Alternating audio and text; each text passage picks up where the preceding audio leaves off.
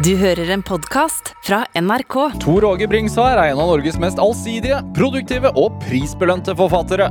Han debuterte som forfatter i 1967. Aller mest kjent er han eh, for sine fabelprosabøker, men også for sine barnebøker, som Karsten og Petra. Til sammen har det blitt flere hundre bøker, og han har ingen planer om å slutte, sjøl etter fylte 80. Dette er Drivkraft med Vegard Larsen i NRK P2. Tor Åge Bringsvær, Ja, varmt velkommen hit til Drivkraft. takk skal du ha. Hvordan har du det? Jeg har det greit, jeg. Det har jeg. Ja, er det Jeg prøver å ha det greit. prøver å ha det greit. Det er ikke, er ikke så lenge siden du kom hjem til Norge fra Nei, en, en uke siden, tenker jeg, på forrige lørdag. Ja. Så da kom uh, min kone og jeg hjem fra Lanzarote på lørdag, og allerede mandag var hun øh, på plass på fjellet i skiløper. Hun er et ivrig, ivrig vintermenneske. ja. Skjønner du deg på det? Nei, jeg gjør ikke det, altså. Men hun ofrer seg selvfølgelig ved at hun er med til Lanzarote øh, et, par uker. Ja. Hvor lenge er du der av gangen? Nå kan jeg bare være der en, uke, en måned av gangen. Ja, Hvorfor det?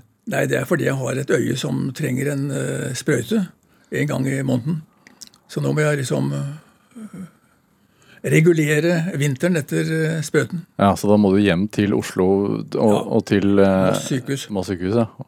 Og få Ja. Er det for noe stær eller noe sånt? Nei, det er for ikke å bli blind på det øyet. da. Det renner visstnok blod og gørr ned fra Som da kan stenge for uh, skarpsynet. Ja. Så da setter de en uh, meterlang sprøyte inn i øyet uh, hver måned. Det føles som en meter. Ja, den er nok ikke mer enn en halv meter, men den, den føles som en meter. Hva er det? Altså, det er jo når du, når du har valgt å skrive en bok som heter, sånn, heter 'Mens jeg har dere her', som handler om, uh, handler om det å bli gammel, da må du liksom snakke om det. Ja, nei, det var en bok som bare kom plutselig. Ja. At jeg fikk lyst til å skrive den. Og det er, en, det er ofte den beste begrunnelsen for å skrive en bok, at du får lyst til å, lyst til å skrive den.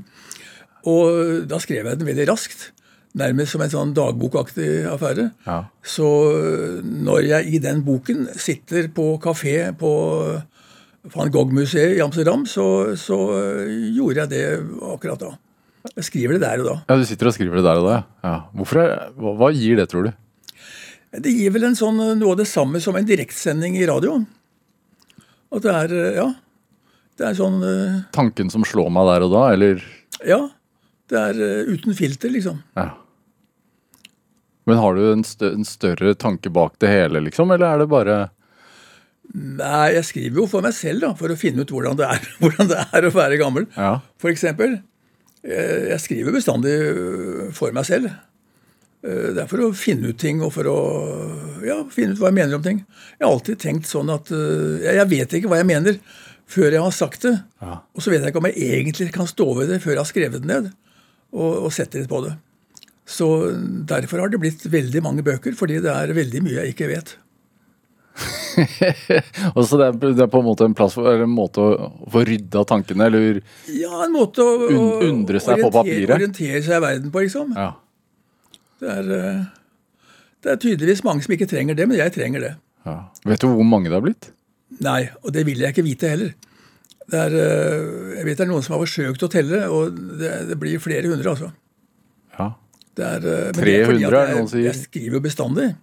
Det er det jeg gjør. ja. Asosial. Du er asosial, skriver du selv i boka di. Jo, jeg er vel det at jeg Hele denne covid-tiden har vært en god arbeidstid for meg. Mm. Da sitter jeg isolert og kan skrive uforstyrret. Hm. Så nei, jeg trives best med det. Det, er- det har med trivsel å gjøre. Er det en rutine som, Nei. som har blitt nødvendig? Nei, det er ikke noe rutine. Det er ikke det. Men det er, det er, det er min måte å puste og leve på, nesten. Eh, og det, er, det har med trivsel å gjøre. Akkurat som eh, en del mennesker trives best der hvor det er fullt av mennesker, liksom, så trives jeg best uh, alene, egentlig. Ja. Eller sammen med noen ganske få utvalgte. ja. Så det er høyttenkning på papir? Ja. Ja. Uansett sjanger? Ja. Ja, Det starter jo som regel med at det, er, at det er ting jeg lurer på, eller ting jeg ikke forstår. Som for eksempel? Ja, det skal være hva som helst. Og det, er, eh, det virker som mennesker som andre forstår veldig mye. Jeg forstår veldig lite. altså. Så eh, jeg skriver jo aldri eh, en bok om noe jeg kan, eller noe jeg vet. For det blir bare kjedelig. Det blir bare å repetere ting. Er det en erkjennelse du har fått med alderen, at, du, at man kan mindre, eller har du alltid tenkt det? Jeg tror at det har blitt verre med årene. det har nok blitt. Men eh, jeg har nok alltid tenkt sånn. At det har vært et eller annet rart, et eller annet jeg lurer på. Så går jeg ut og eh, ser hva er dette her for noe, liksom. Og så tenker jeg ja, hvordan ville det vært hvis det var omvendt? Eller hvis det var mer av det, eller mindre av det, og så videre. Og så, så går jeg som katten rundt grøten og stikker labben av og til inni.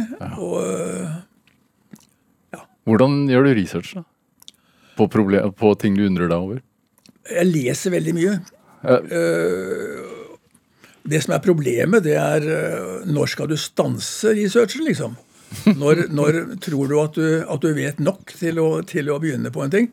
Er det noe du undrer deg over nå for tiden? Som du driver og grunner på? Nå har det vært ganske stille, men det er fordi at, fordi at jeg har såpass mange andre ting i produksjon som jeg må passe på at det går greit, liksom. Ja. Så det er uh, flere bøker som er, som er, på, er på gang ute. Og som øh, jeg må passe på i korrekturer og se om det er ting som skal Ja. Nei, så det har vært lite nyskriving. Og så er det jubileumsår. Ja, det er det jo også. På Karsten og Petra har jo øh, 30-årsjubileum i år. Ja. Og det er jo litt spennende at Jeg syns det er litt hyggelig at de som ble lest for høyt, Karsten og Petra, på 30 år siden, Ja. de leser nå de samme bøkene for sine barn. Eller, eller barnebarn, nesten. Og det er øh, Jeg vet ikke, det, det samme skjer med Ruffen. Sjøormen. Og det er, det er noe av det hyggeligste en forfatter kan oppleve, tror jeg. At, øh, at man ser at, øh, at bøkene går over flere generasjoner. Har, hvordan har de utviklet seg, tenker du? Ja, det vet jeg ikke. Det har jeg ikke tenkt over. Og det Jeg skal ikke skrive en bok om det. Men jeg leste et sted at det er planlagt et museum. Ja, jeg planla en utstilling. Ja. øh, På Venstup i Skien så, så har de tenkt å lage en sånn Karsten og Petra-utstilling. Og det er veldig hyggelig. Hvor kom ideen fra? Til Karsten og Petra. Ja. Den kom fra forlaget. Øh, forlaget ba meg øh, De spurte meg om jeg var interessert i å skrive en, en serie bøker for ganske små barn. Og dessverre kunne jeg skrive om hva som helst, velge, men det var fint om jeg valgte noen figurer som kunne gå igjen. liksom. En apekatt eller en flodhest eller en elefant eller et eller annet. ja. Så tenkte jeg lenge på det, og så tenkte jeg at nei, da tror jeg jeg skal velge to barn. Og en løv og en kanin. Nei, de kom, eh, ja, de levde etter hvert. Men to barn, og de skulle hete Karsten og Petra. Det protesterte forlaget veldig imot. Hvorfor det? Nei, De eh, måtte hete noe annet, sånn eh, Ikke Karsten og ikke Petra, liksom. Men det har man jo vent seg til med årene. Ja. Nei, og det, det, det syns jeg har vært eh, eventyrlig å skrive om de barna der. Nå er jo dette Det er veldig mange som eh, med årene, altså voksne, eh, sure bedrevitere, som mener at det er for få problemer, og at det er ingen barn som har det så hyggelig som Karsten og Petra. Og det har de helt rett i. Det er ingen barn som har det så hyggelig som Karsten og Petra. Det er ingen barn som er omgitt av så mange forståelsesfulle voksne. Men det er sånn alle barn skulle ønske at de hadde det. Ja. Så dette er, eh, sånn som jeg ser det, utopiske bøker. Så jeg fortsetter med fabelprosa. Dette er fabelprosa for de ganske små. ja, Men det gir en trygghet. Ja, og det tror jeg er viktig. Det er, eh, det er, eh, verden er, det er ikke noe gærent. Verden er full av bøker med mennesker som mister hverandre, og med skilsmisser, og mødre som drikker, og fedre som slår og sånn. Det er fullt av det. Og, og det er viktig at det er sånne bøker. Men disse bøkene skal bare gi trygghet. Og det, og det skal fortelle om hvor, hvor godt det er å ha en venn. Dette er Drivkraft med Vegard Larsen i NRK P2. Og i dag er forfatter Tor Åge Bringsvær her hos meg i Drivkraft på NRK P2. Hvordan hadde du det selv som barn? Jeg tror jeg var eh, ganske grei. Jeg, jeg tror jo det. Hvor er du vokst opp? Jeg vokste opp i Skien. Ja. Hvor? hvor? er I øvrig bydel, Dustien, eller sånn Åls gate. Og Det er en gate jeg har skrevet masse om, som, eh, som betyr veldig mye for meg. Hvorfor det? Uh, Nei, det, det, var, det var spesielt strøk. Det var eh, Da jeg vokste opp Jeg vokste opp i et hus hvor jeg hadde foreldrene mine i andre etasje, og besteforeldre og mm, to tanter i første etasje. Og det var et lite hus. Og det var eh, Hva, er lite? Ja, sånn eh, to rom og kjøkken opp og sånn, tre rom og kjøkken nede, tror jeg. Hus som hadde vært i generasjoner, eller? Om. Om det hadde vært i, i familien i generasjoner? Ja, det var eh, min oldefar som hadde bygd det. da. Ja. Han var vognmann. Så, så det var fremdeles en stall i huset. Den ble siden gjort om til soveværelse etter at jeg flyttet hjemmefra. Men da du vokste opp, så var det en stall det, var det en stall det. med hest? Nei, hesten var ikke der lenger. Nei. Men det var, øh, naboen hadde hest. Altså, Jeg vokste opp i et strøk hvor det var ja, de var, Vi ble sendt, ut kuer på Dette er en by. Ja. Men det ble sendt ut en flokk med bøling med kuer hver eneste morgen. ja. Og det var, det var jo flere hester enn biler i gatene. Dette er en stund siden. Du er født i 39? Ja, Ja. Det var, eh, nei, det var et spesielt strøk, altså. Og det var, Vi hadde alt der. Det var slakter og fiskebutikk og tre kolonialbutikker. og Det er ikke som nå at du må sette deg i bilen og kjøre langt av gårde for å komme på et supermarked. ja. Hvem var moren og faren din, da? Hvem de var? Ja. Jeg vet hvem de var. altså. Du mener, du mener Rolf og Judith? ja, jo, ja, ja, det var det. De Nei, Faren min var bryggeformann. ja. Så det hendte at jeg gikk, måtte gå da jeg var liten, at jeg måtte gå med mat i et spann ned til han hvis han holdt på lenge. Som ble sendt hjemmefra? Fra mora di? Ja. Men Hvor- eh, nei, vi hadde det fint. Vi hadde. Hva? Hvor mange søsken? Eh, ingen. Så enebarn? Jeg er enebarn. Det er vel eh, Hva gjør det det er vel grunnen til at jeg godt kan trives alene, liksom. ja. Jeg er vant til det. Tror du det gjør noe med fantasien også? Ja, det vet jeg ikke. Eh, Det har ikke prøvd det andre. Så det, så det kan jeg ikke uttale meg om. Det kan jeg ikke. Hvordan var du som barn? da? Det jeg sier, jeg tror jeg var ganske grei. Jeg tror det. Ja. Det var jeg, jeg var jo bare opptatt av uh, fotball, selvfølgelig. Det var, det var det eneste jeg var ja. Sov med en ball? om. Om du sov med ballen? Nei, det gjorde jeg ikke. Jeg hadde ikke noen ball. Nei. Vi, vi hadde jo, eh, I begynnelsen da jeg var barn, så hadde vi jo, hadde vi ikke fotballer. Vi hadde jo avispa- avispapir som var surra sammen. Det var bare hvis, du, hvis det var en av, en av guttene som hadde kanskje en far som hadde vært på besøk i Sverige, at han kunne komme hjem med en fotball med blære. Men ellers så hadde vi jo ikke det. Vi hadde ikke fotballer. Hva var det som var det beste du likte å gjøre? Bortsett fra å spille fotball? Nei, det var nok fotball, det òg. Husker du krigen? Ja, jeg husker. Eh, Jeg husker eh, bomberom. Og jeg husker at jeg var på, at jeg, hvis jeg var med moren min i, i byen, at vi måtte søke tilflukt i portrom og sånne ting. Ja. Dette er jo ikke langt fra Skien og ut til Herøya, og hvor du har alle disse Hydro-bedriftene. Eh, Og jeg husker, jeg husker bomberom. Jeg husker at det var hyggelig. Eh, For barn var jo ikke bomberom noe farlig. ikke sant? Vi det traff med andre barn og lekte og sto i.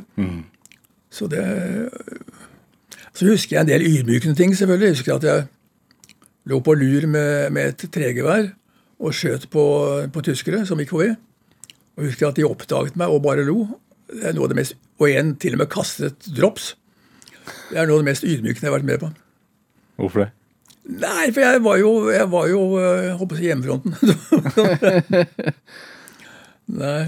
Nei, så altså, eh, Men jeg lærte jo å skrive på den måten der. Hvordan da? Jeg, nei, jeg gikk jo med altså Jeg hadde vel sett de voksne Jeg kunne jo, ikke, kunne jo ikke skrive, men jeg kunne mange bokstaver. Tidlig? Ja, sånn, Da jeg var fem år, så kunne jeg jo masse bokstaver. I og O var populære. P kunne jeg også til og med.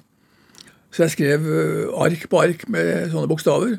Og så gikk jeg rundt på dørene og tilbød, liksom. Eh, Vi hadde sett voksne gjøre det. Solgte bokstavene dine? Nei, men sånn eh, Det var sånn illegale aviser, ikke sant. Ja. Oh, ja, ja.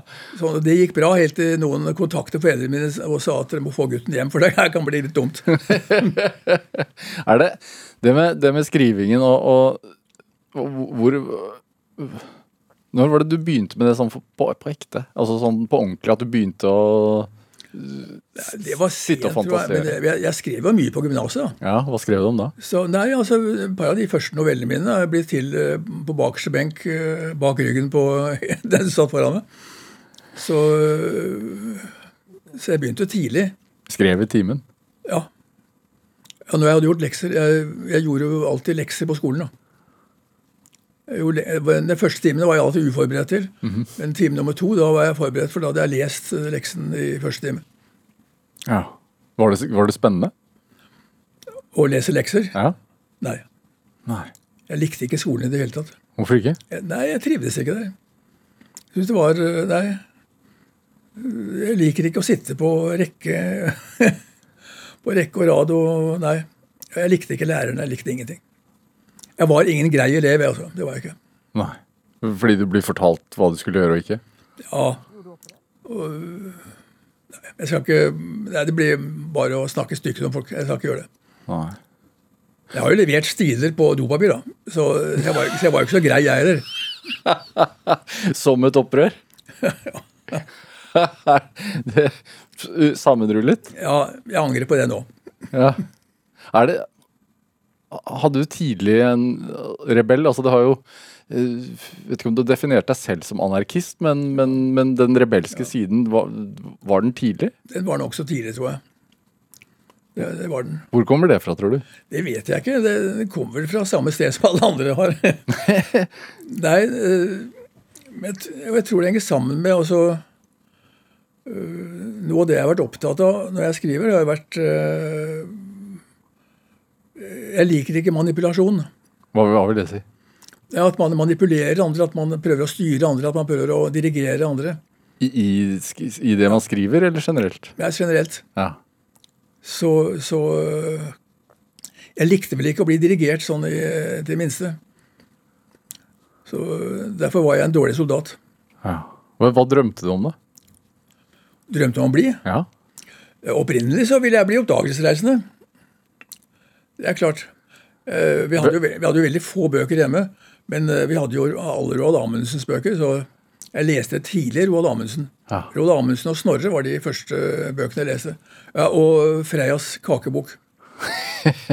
Det var den e- eventyrlige boken, liksom. ja. Ja, For der sto det jo masse kaker som hvor man trengte bananer og ananas og alt sånt som ikke fantes. ja. Ble, er skriving blitt en slags oppdagelsesreise? Ja, det har det blitt. Ble, var det ble det det tidlig? Ja, det tror jeg det ble tidlig. Eh, Jeg skriver jo for å se hvordan det går. Hva mener du med det? Nei, Jeg vet jo aldri hvor jeg kommer hen når jeg skriver. Jeg har jo ikke noen plan med det. Jeg sk- jeg aldri? Nei. Og Derfor er det spennende hver dag å sette seg til skrivebordet. ikke sant? Hvis du først holder på med å skrive et eller annet, Ja. så er jeg spent på hvordan det går. Hvordan, hvordan er rutinen? Og så har du en sånn rutinen er at hvis jeg holder på med en bok, så spiser jeg frokost, og så begynner jeg å jobbe. Og da jobber jeg så lenge jeg kan. Hvor skriver du da? Nei, jeg har vært heldig sånn. Jeg har, har en egen liten uh, skrivestue. I hagen. nederst i hagen. Så, og den uh, ligger opprinnelig i en annen kommune. Så eh, det er en grensesten midt i hagen der. Så egentlig er jeg pendler. Så jeg, jeg bor da i, i Hølen, og så arbeider jeg i Såner. Jeg har aldri bedt om å få noe fradrag for det, men, men eh, jeg er pendler. Ja. Ser du på noe mens du skriver? Om jeg ser på noe? Ja, altså har du, Ser du ut av et vindu, eller har du noen gjenstander foran deg, eller? Jeg har mange gjenstander rundt meg, men jeg prøver ikke å se altfor mye på dem akkurat når jeg skriver. Nei. Men jeg er omgitt av masse gjenstander. Jeg er avhengig av masse gjenstander og øh, små Ja. Som for eksempel? Nei, jeg har mange elefanter og mange, særlig mange Ganesha-statuer rundt omkring. Ganesha er den indiske elefantguden. ikke sant? Og for meg så er det alle forfatteres gud. Hvorfor det? Ja, det, vet han, eh, Spesielt han, eh, det store, store indiske nasjonaleposet, Mahabharata, det ble jo diktert av en vis mann. Eh, Og han, den som skulle skrive den ned, var, var Ganesha. Bare det er jo originalt, fordi at vanligvis så er eh, store hellige skrifter de er, de er eh, diktert av guder og skrevet ned av et menneske. Her er det omvendt. Her er det et, en menneskelig vismann som, som, som dikterer hele Mahabharata til en gud, til Ganesha. Og så er han så rask, så Ganesha klarer jo ikke helt å følge med, og skriver så ivrig at, at, at pennen brekker. Og da og den andre fortsetter jo å snakke. Så Ganesha river av seg den ene støttannen og skriver videre med den. Ja. Og skriver videre med, med, med blod, liksom. Og det er eh, Nei, jeg syns det er en sånn Han er en ivrig forfatter, altså. Ja. Og det er en et spark i, i, i riktig retning for deg Ja, når du sitter der? Ja. Så jeg har mange Ganeshaer. Eh, Ganesha som liten og Ganesha som stor. Eh, Ganesha på fanget til moren og faren. Ja.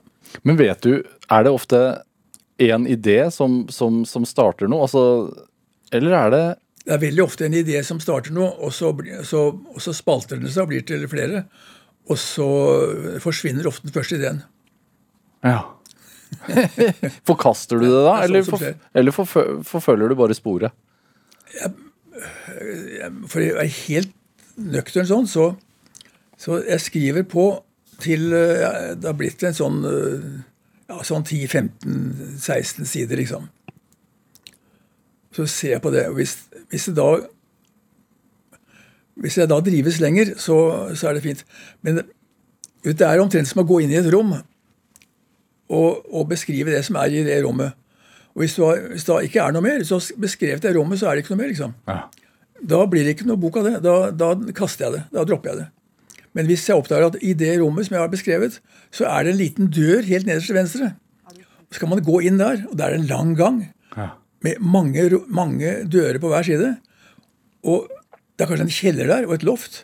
Og da er det spennende å gå videre. Da, da fortsetter jeg. For da er, det, da er det boken som driver meg videre. Da er det ikke jeg som er fiks og lur og finner på ting for å komme videre, men boken driver meg videre. Og det, er- det er viktig at det er den som gjør jobben, og at ikke jeg er en sånn øh, som drar øh, boken etter meg på en kjelke som en annen polarhund, liksom. Sitter ikke og tværer på setningene? Nei, jeg gjør jo det. Jeg skriver jo ikke mer enn en halv side eller sånt av gangen. Eller en side. Og så går jeg veldig ofte over, går jeg over den og retter på språket, for språket er halve saken. Ja.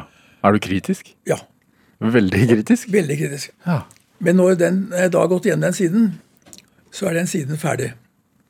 Og da printer jeg den ut og legger den til side. Den er ferdig, og jeg gjør aldri noe mer med den.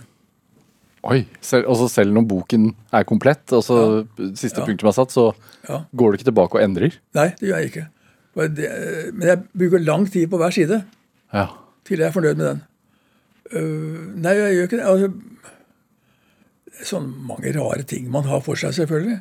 Men det er øh, Jeg vet jo at det er mange som, hvis de kommer litt skeivt ut, så, så, så kan de gå tilbake og rive ut et helt kapittel, liksom. Og skrive det om igjen. Og det gjør jeg aldri. Og det, jeg pleier å si at uh, hvis du gjorde et eller annet dumt forrige lørdag, så kan du ikke gå tilbake og rive løs en hel uke av livet ditt. Og sånn skal det ikke være for papirfigurer heller. Nei. Papirfigurer skal ikke ha noen fordeler fremfor levende mennesker.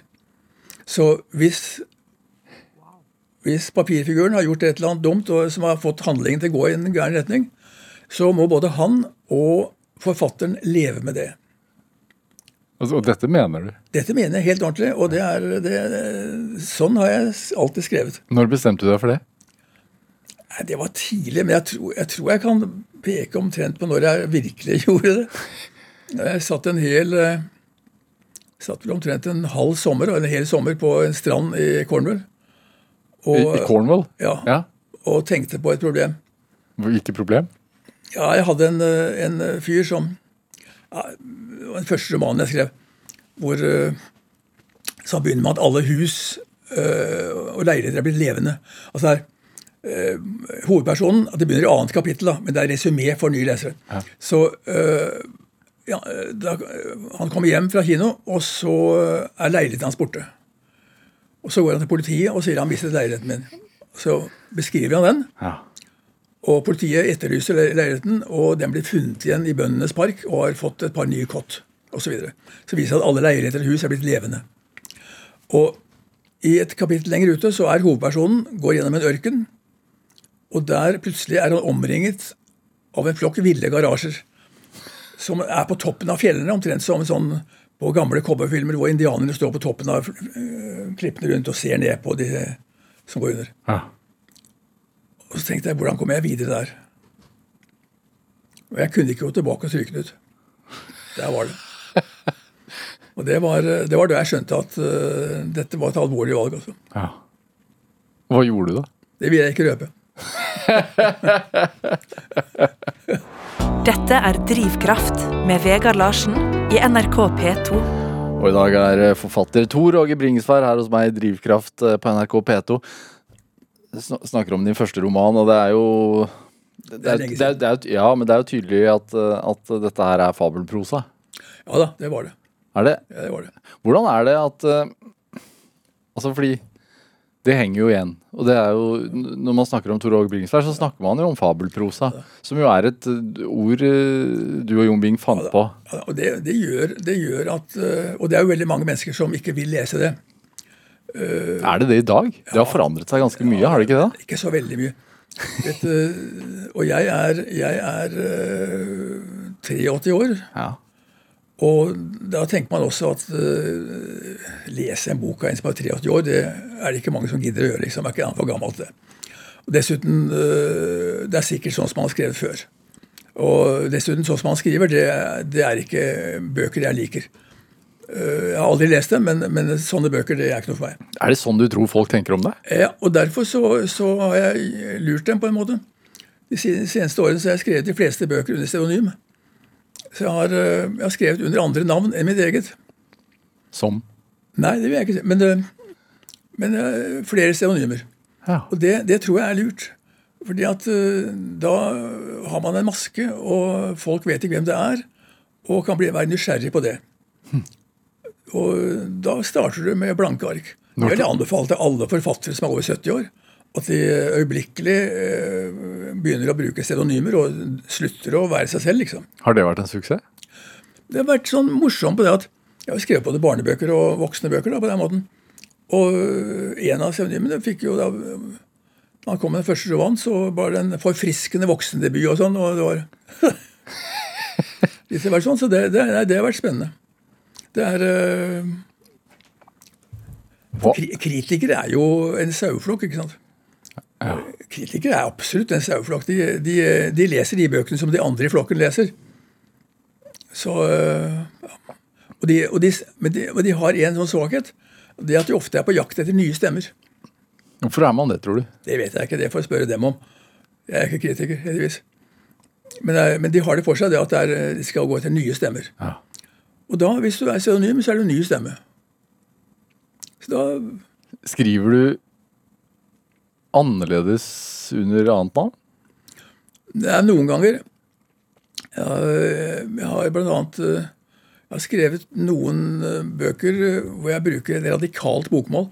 Vanligvis så skriver jeg jo eh, det man vil kalle riksmål. Men radikalt bokmål er spennende. Og hvis du kan tilføre oss litt dialekt, så er det fint. Er dette rebellen i deg? Nei, Det vet jeg ikke, men det er, jeg vil kanskje heller si et overlevelsesinstinkt. Ja, men, men du, altså, du kunne jo altså, Du kunne pensjonert deg for lenge siden. Altså, sånn så overlevelsesinst... Altså, Jo, du, hadde ikke, du hadde ikke trengt det. Ikke Nei, men, jeg, men jeg skriver jo ikke for pengenes skyld. Jeg skriver jo ikke for sånne ting. Nei. Jeg skriver jo fordi at jeg selv syns det er moro å gjøre det. Det er det jeg liker best å gjøre. ikke sant? Og det jeg også er nødt til å gjøre for å holde takt med virkeligheten. Hvordan da? Nei, Jeg sier jo at jeg skriver det for å skjønne hva som foregår. Ja. Skjønne hva, hva som, hva, og det er, min, det er min måte å orientere meg på, det er å skrive. Blir man klokere med årene? Nei. Det tror jeg ikke. Det tror jeg ikke. Hvor, hvorfor Man blir kanskje mer forståelsesfull. Mer, mer, mer rund i kantene, tror jeg. Ja, hvorfor det? Det er fordi man ser at, det er, det er, at man selv er litt dum, og man ser at det er mange andre dumme også. Man, man, ikke, man reiser ikke bust hver gang man ser noen som er dumme, liksom. Hver gang man ser noen som gjør noe fjollete, så, så, blir man ikke like irritert som før. Nei. Har du hatt en tendens til å bli det? Jeg tror alle har. Jeg tror alle Jeg tror, jeg tror ikke jeg blir Nei. Er nok blitt en god del rundere. er kona di enig? Det vet jeg ikke. Det vet jeg ikke. Nei.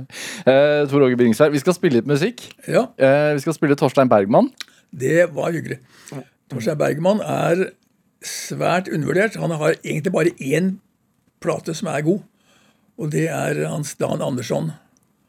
Eh, etter den så tror jeg at han må ha tulla seg bort og ødelagt stemmen. Ja. Han har ikke den stemmen lenger, og ikke, han blir mer sånn popaktig også. Men 'Tigeren fra Louisa', hvorfor er det en viktig låt for deg? Den, er, alle de låtene på den uh, plata er viktige. Men uh, jeg kunne også valgt 'Spelemannen' eller 'En spelemanns jordaffær'. Fantastiske ting som forteller egentlig hva det er å være en frilans. Nei, jeg liker godt den 'Tiggeren fra Louisa'. Fordi det er den den handler om lengsel og drøm og fantasi. Mm. Og det syns jeg Dag, eh, Dan Andersson gjør utmerket. Eh, at han døde så tidlig, er helt ubegripelig. Han skrev jo den da han var i 20-årene. Han skrev alt, alt, mulig da han var i 20-årene. Mm. Han døde jo eh, så vidt han var fylt 30. Så Imponerende rikt indre liv. Ja. ja. Og han var en slags sånn Sveriges Hans Børli. Skal vi høre? Ja, ja, la skal høre. Omkring tiggarn från Låsa satt alt folket i en ring Og vi lägerelden hörde de hans sång. Och om bettlare och vägmän och om underbara ting och om sin längtan sjöng han hela natten lång. Det är något bortom bergen, bortom blommorna och sången. Det är något bakom stjärnor, bakom heta hjärtat mitt. Hör något går och viskar, går och lockar mig och beder. Kom till oss, till denna jorden, den är icke riket ditt. Jag har lyssnat till det stillsamma böljeslag mot strand. Om det vilda havens vila har jag drömt. Och i anden har jag ilat mot det formlösa land där det käraste vi kände ska bli glömt till en vild och evig längtan föddes vi av mödrar bleka ur bekymrens födselvånda steg vårt första jämmerljud slängdes vi på berg och slätter för att tumla om och leka och vi lekte älg och lejon fjäriltiggare Gud satt jag tyst vid hennes sida Hon vars hjärta var som mitt.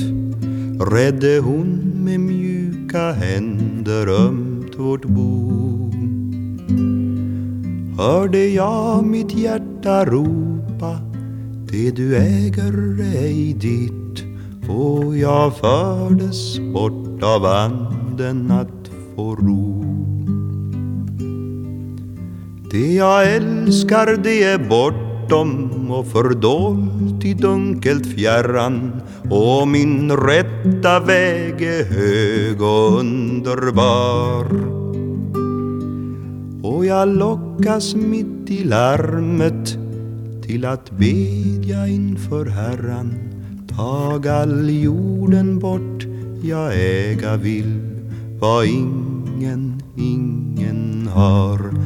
Följ meg, broder bortom bergen med det stilla svala floder der alt havet somnar långsamt inom bergomkransad bädd.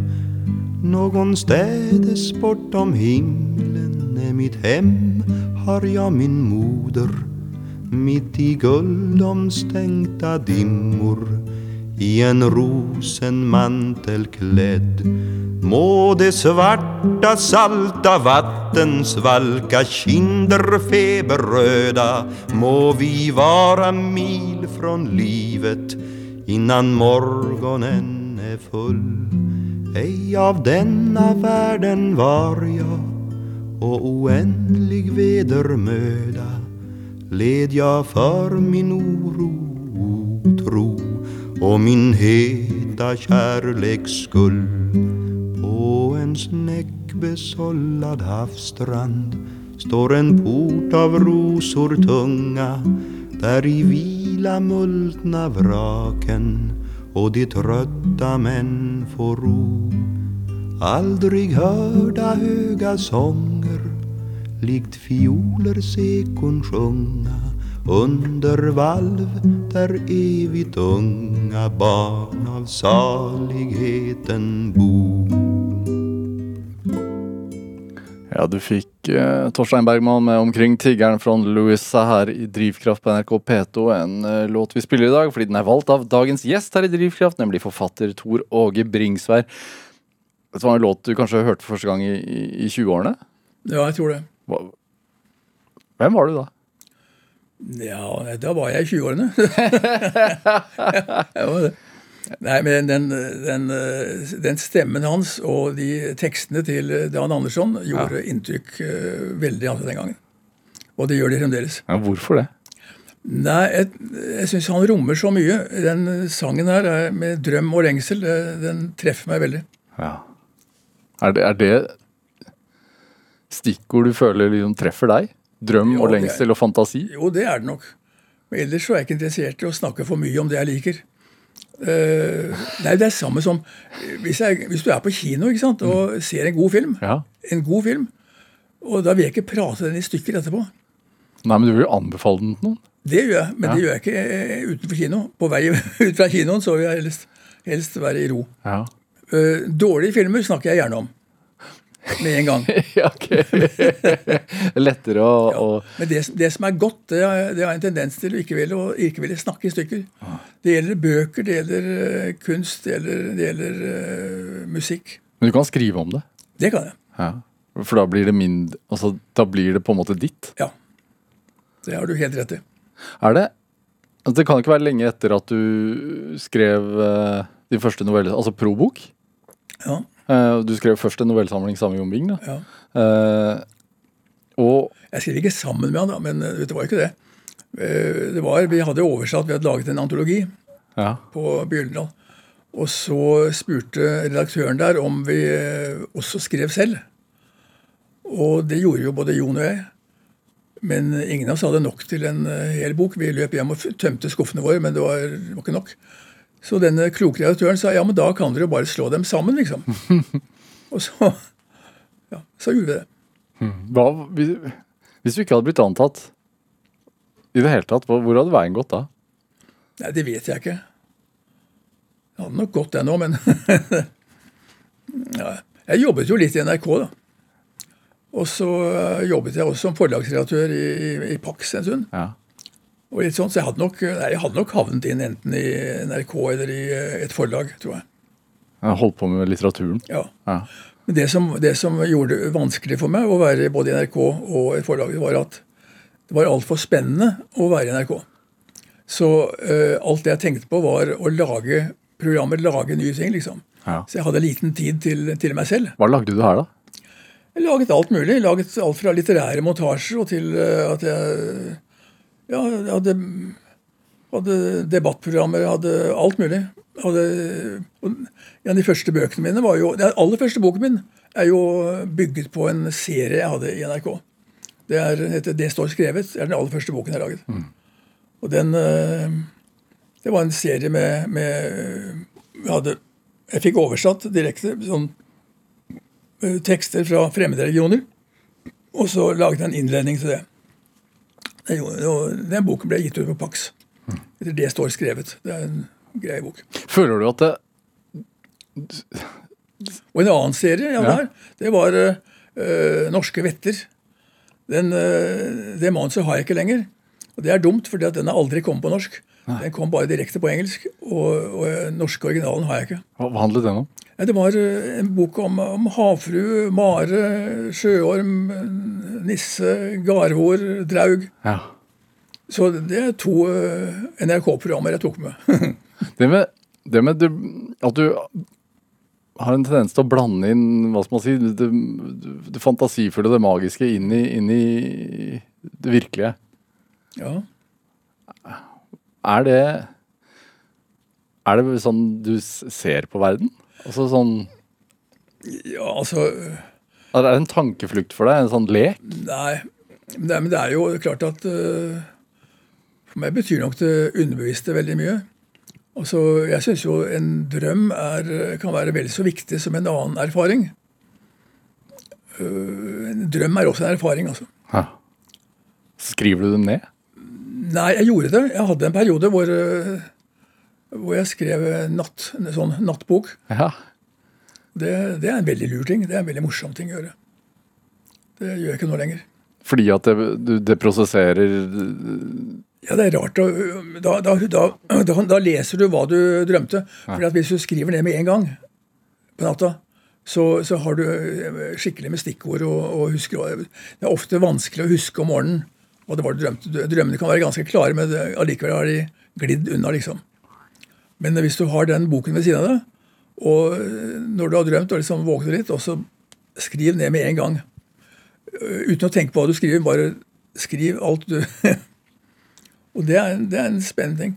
Det lærte jeg faktisk av Tarjei Vesaas, som, eh, som har drevet med det lenge. ja. Og det er en god erfaring. hva, Hvorfor er det en god erfaring? Altså, Hva lærer man av det? Ja, Du lærer litt om hva som foregår. hva som foregår i det underbevisste. Det er ganske mye rart. Vil du dele? Ja, er Fra ganske- egen underbevissthet? Ganske mye rart, altså. Ja. Er det noen tilbakevendende drømmer? Nei. Øh, jo, det er det vel. du... Det, vet jeg ikke nå, for nå fører jeg ikke noen annen bok. Nei. Men var det det? Ja, jeg hadde ofte med å hoppe ut fra ting.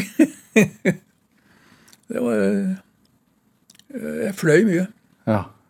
Ikke altså fritt fall, eller at du fløy? Ja, jeg, jeg, jeg var ofte i eh, vanskelige situasjoner, og da øh, kunne jeg hoppe ut fra et eller annet sted. Ja. Og da fløy jeg. Ja. Er det altså, Men, men skri, skriver, du sier du har, ikke, du har ikke oversikt over hvor mange bøker du har skrevet. Jeg har prøvd å regne på det, jeg, da, men jeg, jeg, jeg har mistet tellingen, jeg også. Men, men nærmere, nesten 300 bøker. Ja, noe sånt. Ja. Er, er det Skriver du utelukkende for deg selv? Ja, Eller har Ja? Nei, jeg gjør nok det. Også når du skriver barnebøker? Ja, det gjør jeg. Det har aldri øh, Altså Selv etter når du ble bestefar? Ja, altså det er veldig mange som, som, øh, som øh, prøver ut bøkene sine på andre, på, på barn og sånt. Ja. Det gjør jeg ikke, fordi at jeg har vært barn selv, så det vet jeg. Og jeg har fremdeles den femåringen et sted inni meg. Så den femåringen har jeg kontakt med. ja. Og jeg trenger ikke andre femåringer. Fordi at mennesker er forskjellige. Ah, Du kan ikke, øh, du kan ikke prøve det ut på noen, fordi at øh, alle er forskjellige, og alle leser forskjellige. Så egentlig kan du si at du er som, en forfatter er som en radiostasjon. Han bare håper at noen har apparatet slått på. Så håper han at de har stilt inn på riktig kanal. Og så håper han at de skjønner det som blir sagt. ja. Og at de gidder å følge med. Noe mer er det ikke. Nei. Har det vært viktig for deg å, å, å bli lest? Ja, Det er ikke viktig, men det har vært veldig hyggelig å høre at noen har lest det. Det er det. Og det er eh, enda mer hyggelig er det når uh, gamle bøker blir trykket opp igjen. Mm. Bøker som er liksom 40-50 år gamle, og så plutselig så kommer de ut igjen som pocketbøker. Det er trivelig. Eller hvis eh, en veldig gammel bok plutselig blir oppdaget av et utenlandsk forlag som sier at oi, liksom. Og som ikke skjønner at det er en gammel bok. Det med, det med eh, altså Du er jo eh, opptatt av religion, vet jeg, Ja, men også vitenskap. ja. Hvorfor, det, hvorfor fungerer det så godt sammen? Jeg tror de henger sammen. Det er, begge, begge deler er, er en søken etter erkjennelse og hvordan ting henger sammen. Ja. Så det er, det er eh, jakten på en sammenheng. Og den er jo foregår omtrent du løper som et esel på og en gulrot på en stang, selvfølgelig. Men, men liksom på jakt etter meningen med det hele, eller, eller? Ja, med alt mulig. Og det, men det skifter jo, ikke sant. Det er, det er eh, Du kan bruke et eksempel med hva som, er, hva som er fantasi, og hva som er eh, vitenskap. Ja. Du kan tenke deg at hvis man i ja, middelalderen hadde skrevet en, en bok hvor jorden var en rund klode, så ville det vært sett på som en fantasiroman. Har du skrevet inn ting i dine bøker som har blitt virkelig? Ja, det har jeg jo. Det, det, øh, jeg prøver å ikke være stolt av men jeg er veldig stolt av det, egentlig. Øh, jeg var jo tidlig ute med hadde en, hadde en øh, novelle som het Kodemus, hvor alle mennesker går rundt med en liten lillebror. Sånn, som de holder i hånden, ikke sant? og som forteller dem alt hva de skal gjøre, og hvordan ting er. Og, sånt. og øh, den skrev jeg så tidlig at det var lenge før mobilene øh, var kommet. Var det en dystopi du skrev, da? Eller var det Ja, det var det jo i og for seg. Ja. Så den, eh, nei, den har jeg fått honnør for til og med i USA. At eh, de pekte på at, eh, at det er faktisk en gæren nordmann som var det første som jeg så. ja. Hva tenker du om det? Det tenker jeg at det er hyggelig, selvfølgelig. Ja, men, Jo, det at du så det, men, men hva tenker du om at den altså, Husker du når du skrev dette her? Ja, det var vel eh, på 60-tallet en gang. Ja. Det, Hvorfor skrev du det som en slags dystopi? da? Det Jeg skrev det ut fra at, eh, at Orwell har jo storebror, ikke sant. Så, jeg tenkte, så, så jeg bare tenkte hva, hva om alle hadde lillebrødre? Så, det var en enkel tankegang over. Ja. Men hva syns du om det, da? At alle har det nå? Jeg syns det er forferdelig, egentlig. Jeg synes det er... eh, Jeg bruker min mobil bare til å ringe med. Ja. Du har en smartphone, ser jeg. Ja, jeg har dessverre det, men jeg har ingenting annet på den enn at øh, jeg, jeg ringer med den. Ja. Hvis det er øh, til, og med, til og med det å sende en SMS, selv det gjør jeg fra, fra, fra Mac-en min og fra datamaskinen. Så det, jeg bruker mail på datamaskinen, og jeg, jeg bruker ikke den telefonen, den mobilen. Nei, men hvor opptatt er du av å følge med i teknologiske nyvinninger og sånn? Ikke noe så voldsomt, egentlig. Øh, For jeg vet ikke om det er så mye nyvinninger. Det er veldig mange blindspor, altså. Og veldig mange unødvendige ting. Veldig mange dippedutter man ikke trenger. Og da kommer det igjen med, med dippedutter og alt sånt. At øh, det jeg er opptatt av, det er jo ikke de øh, forskjellige nyvinningene og dippeduttene, men det er, det er hva, gjør disse, hva gjør de med oss som mennesker, liksom. Og øh, det syns jeg ikke er så veldig trivelig å se. Jeg har vært opptatt av den humane, altså det menneskelige oppi det hele, hele veien. ikke sant? Jeg syns, øh, det, er, det er tragisk av og til å lese i avisen at øh, mennesker får abstinens hvis de ikke har mobilen øh, en, en dag eller to. liksom. Og da, da har de gjort seg avhengig av noe som de ikke trenger å være avhengig av. Er, sånn sett, er du glad du vokste opp da du gjorde? Ja. Jeg tror det er ganske vanskelig å vokse opp nå. Det tror jeg. Samtidig så er det jo oppmuntrende å se at øh, jeg syns jo at ungdom nå er uh, ti ganger smartere enn det jeg selv husker jeg var. Eh, De kan mer og vet mer og er langt mer oppegående. Men, men de har også flere sørgelige sånne ja, stener i skoen, da. Det har de. Men det, samtidig så er det jo generasjon på generasjon som, som uh, leser Karsten og Petra, da. Som, som kanskje Ja. ikke har e egentlig utviklet seg sånn vesentlig på 30 år. Nei, men det er ikke så rart, at øh, jeg tror nok at, vi, at en hel del fundamentale ting er, er det samme. Ja. Det tror jeg. Er det Hvor viktig er empati i, i karakterene dine? Det er veldig viktig, og det er øh, det, er, det kommer jo kanskje tydeligere frem Jeg har jo et annet hovedmotiv, og det er dyr. Altså Forhold til dyr er veldig viktig, og der kommer det med empati veldig, veldig inn. Øh, Jeg skjønner ikke at vi ikke har et bedre forhold til, øh, til de andre artene på denne kloden her. Vi Det er greit nok å være alene, men ikke så alene, liksom. Så Så når, mennesker står og lengter etter å finne kontakt med, med liv på andre planeter, men overhodet ikke er interessert i å få kontakt med det livet som er her, så er det noe som er feil. Det er, eh, for det yrer jo av liv på denne kloden fremdeles. Vi gjør så godt vi kan med å bli kvitt det, men, men eh, fremdeles er det jo mange interessante skapninger å bli venn med. Hvorfor er det altså, Fordi det har jo vært øh, viktig på mange måter i hele ditt forfatterskap. Også at man, man, at man ser det, og at man ser, ja. ser det fantastiske med det. Ja. Uh, Ja, vi er blitt veldig arrogante. Det er takket være både, både jødisk region og kristen region, og, og også gresk filosofi, ja. som er like ille.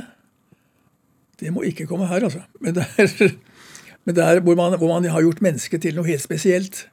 Til den helt spesielle skapningen. Ja. Og Der har vi nok mye å lære av, øh, av østerlandsk uh, tankegang. Hvor, hvor mennesket er en del av naturen, liksom. Kretsløpet. Men det at vi setter oss over alle andre skapninger, det gjør at vi heller ikke har funnet noen grunn til å, til å ta det alvorlig. De, vi kan bruke dem som arbeids, til arbeid og til slit og sånn, og til å spise dem og i det hele tatt. Når begynte du å tenke på dette? da? Ja, det var tidlig. Jeg har alltid vært glad i dyr, altså. Eh, Men, eh, men eh, merkelig nok så begynte jeg vel å tenke ordentlig på det eh, da jeg forsto utviklingen av dette med kunstig intelligens. Da begynte det virkelig å gå opp med hvor alvorlig det var. Fordi eh, vi vet jo at eh, ja, i løpet av en sånn 30-40 år så, så har man eh, skapninger, kunstige skapninger, som er mer intelligente enn det vi er. Eh, Dette vet vi. Og da er spørsmålet hvordan vil de se på oss? Eh, Vil de se på oss på samme måten som vi ser på dyrene? Eh, For det vil være litt dumt. fordi at hvis vi ser på hva som er til hinder for at denne planeten her skal kunne utvikle seg og være en grei planet å bo på, det er jo, det er jo menneskene som ødelegger den. Så fjerner man menneskene, ikke sant? så vil eh, jorden ha det mye bedre. Og det er en tanke jeg ikke ønsker at eh, kunstig intelligens skal eh, ha om oss. Er det, har du alltid sett på fabelprosa eller science fiction som, som, en, som et virkemiddel for å, for å illustrere en dystopi? Altså Ja. sånn, altså, Jeg har alltid sett på det som, som uh, at man viser mulige, mulige veier. Og fremfor alt at det viser uh, hvor det er stup, og hvor man kan gå utfor. Og hvor det er blindgater. Og det er, uh, det er viktig å ha med. Så det er um, når, var, når var første gang du hadde den opplevelsen med en bok? Hvor du, hvor du forsto at nei, det handler jo ikke om det som det, det står om her. Det tror jeg var, var tidlig. Det var en eh, Ray Bradbury-bok. Da var jeg vel en 13 år, tenker jeg. eller sånt. Ja. 12-13 år, hvor, hvor uh, første gang leste altså, Da hadde jeg gått fra, de, fra barnehyllene over til voksenhyller i, på biblioteket. og Oppdaget at det fantes jo eventyrlige beretninger der også, liksom. Da var da jeg fant det Gabriel Scott, 'Det flyvende bord' og, og 'Det gylne evangelium' og sånn. sånn. Og også fant jeg Bradbury med, med Martian Chronicles, som den gangen da hadde kommet på Eides forlag i Bergen, het 'Kom hjem, kom hjem'. Er det, fant du det samme i religionshistorie og, og mytologi og sånne ting? Ja, jeg gjorde nok det. Ja. det er så, så myter, og, myter og eventyr og alt sånt har alltid betydd masse. Er du, Jeg, jeg er samlet på, på sånt bestandig. er det Er du framtidsoptimist eller pessimist? Eh, Der må jeg sitere Crazy Cat. Crazy Cat? Ja, som, er, som er en eh, klassisk eh, fabelaktig tegneserie av George Harriman fra 1920 eller rundt 1919. Det er- Han har et sånt hvor, hvor han blir spurt om om han er om han ser på fremtiden med, som optimist eller pessimist. Og sier han han ser på den bare som mist. Altså bare tåke, liksom. Ja. Og det er, eh, og det er kanskje greit. For jeg tror at vi eh, på mange måter er eh, på feil vei, altså. Jeg mener igjen det med, med kunstig intelligens. Jeg tror det er viktig at man allerede nå øh, ikke bare lærer roboter og sånt, at, at ikke de bare lærer matematikk og hvordan man skal gå til høyre og venstre, men lærer dem empati, Ja. følelser. For når den tiden kommer, så er vi nødt til, det, vi er nødt til at de, de må se på oss som at de er våre barn, og at vi er deres dumme foreldre, som de må ta vare på, liksom. Ja. Hvis ikke de gjør det, så er det over og ut med, med, med menneskene. Ja, ender som en gresk tragedie. Ja. Ja. Men kjempehyggelig hvis vi har en verden med masse kunstig intelligens som, som er hyggelig å se på som sine foreldre og tar seg av oss, liksom. Det er jo bare fint. Ja. Tor Åge Bringsvær, altså det er jo eh, Du er jo still going strong. Du sa jo at du har masse bøker som du fikler med nå. Men hva, hva er drivkraften nå om dagen? Nei, det vet jeg ikke. Eh, Det er som jeg sa, jeg, drivkraften det forandrer seg jo. Fra, eh, jeg går jo hodesups inn i en bok når jeg først holder på med det. Men akkurat nå så er jeg, jeg har, På Lanzarote fikk jeg ikke til noen ting. Jeg skrev en mange begynnelser. Ti sider om det og ti sider om det og ti sider om det. liksom. Og så når jeg da ser på det noen dager senere, så er det bare tull. Og det er litt trist på en måte, men samtidig så er det greit at jeg fremdeles har evnen til å se at noe er skit. altså.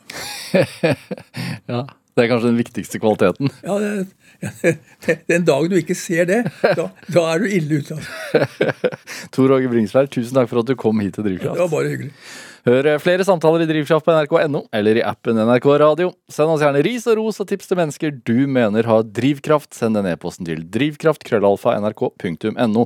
Produsent i dag var Heidi Andersen, og Julia Martincic bidro med research til denne sendingen. Jeg heter Vega Larsen. Vi høres. Du har hørt en podkast fra NRK.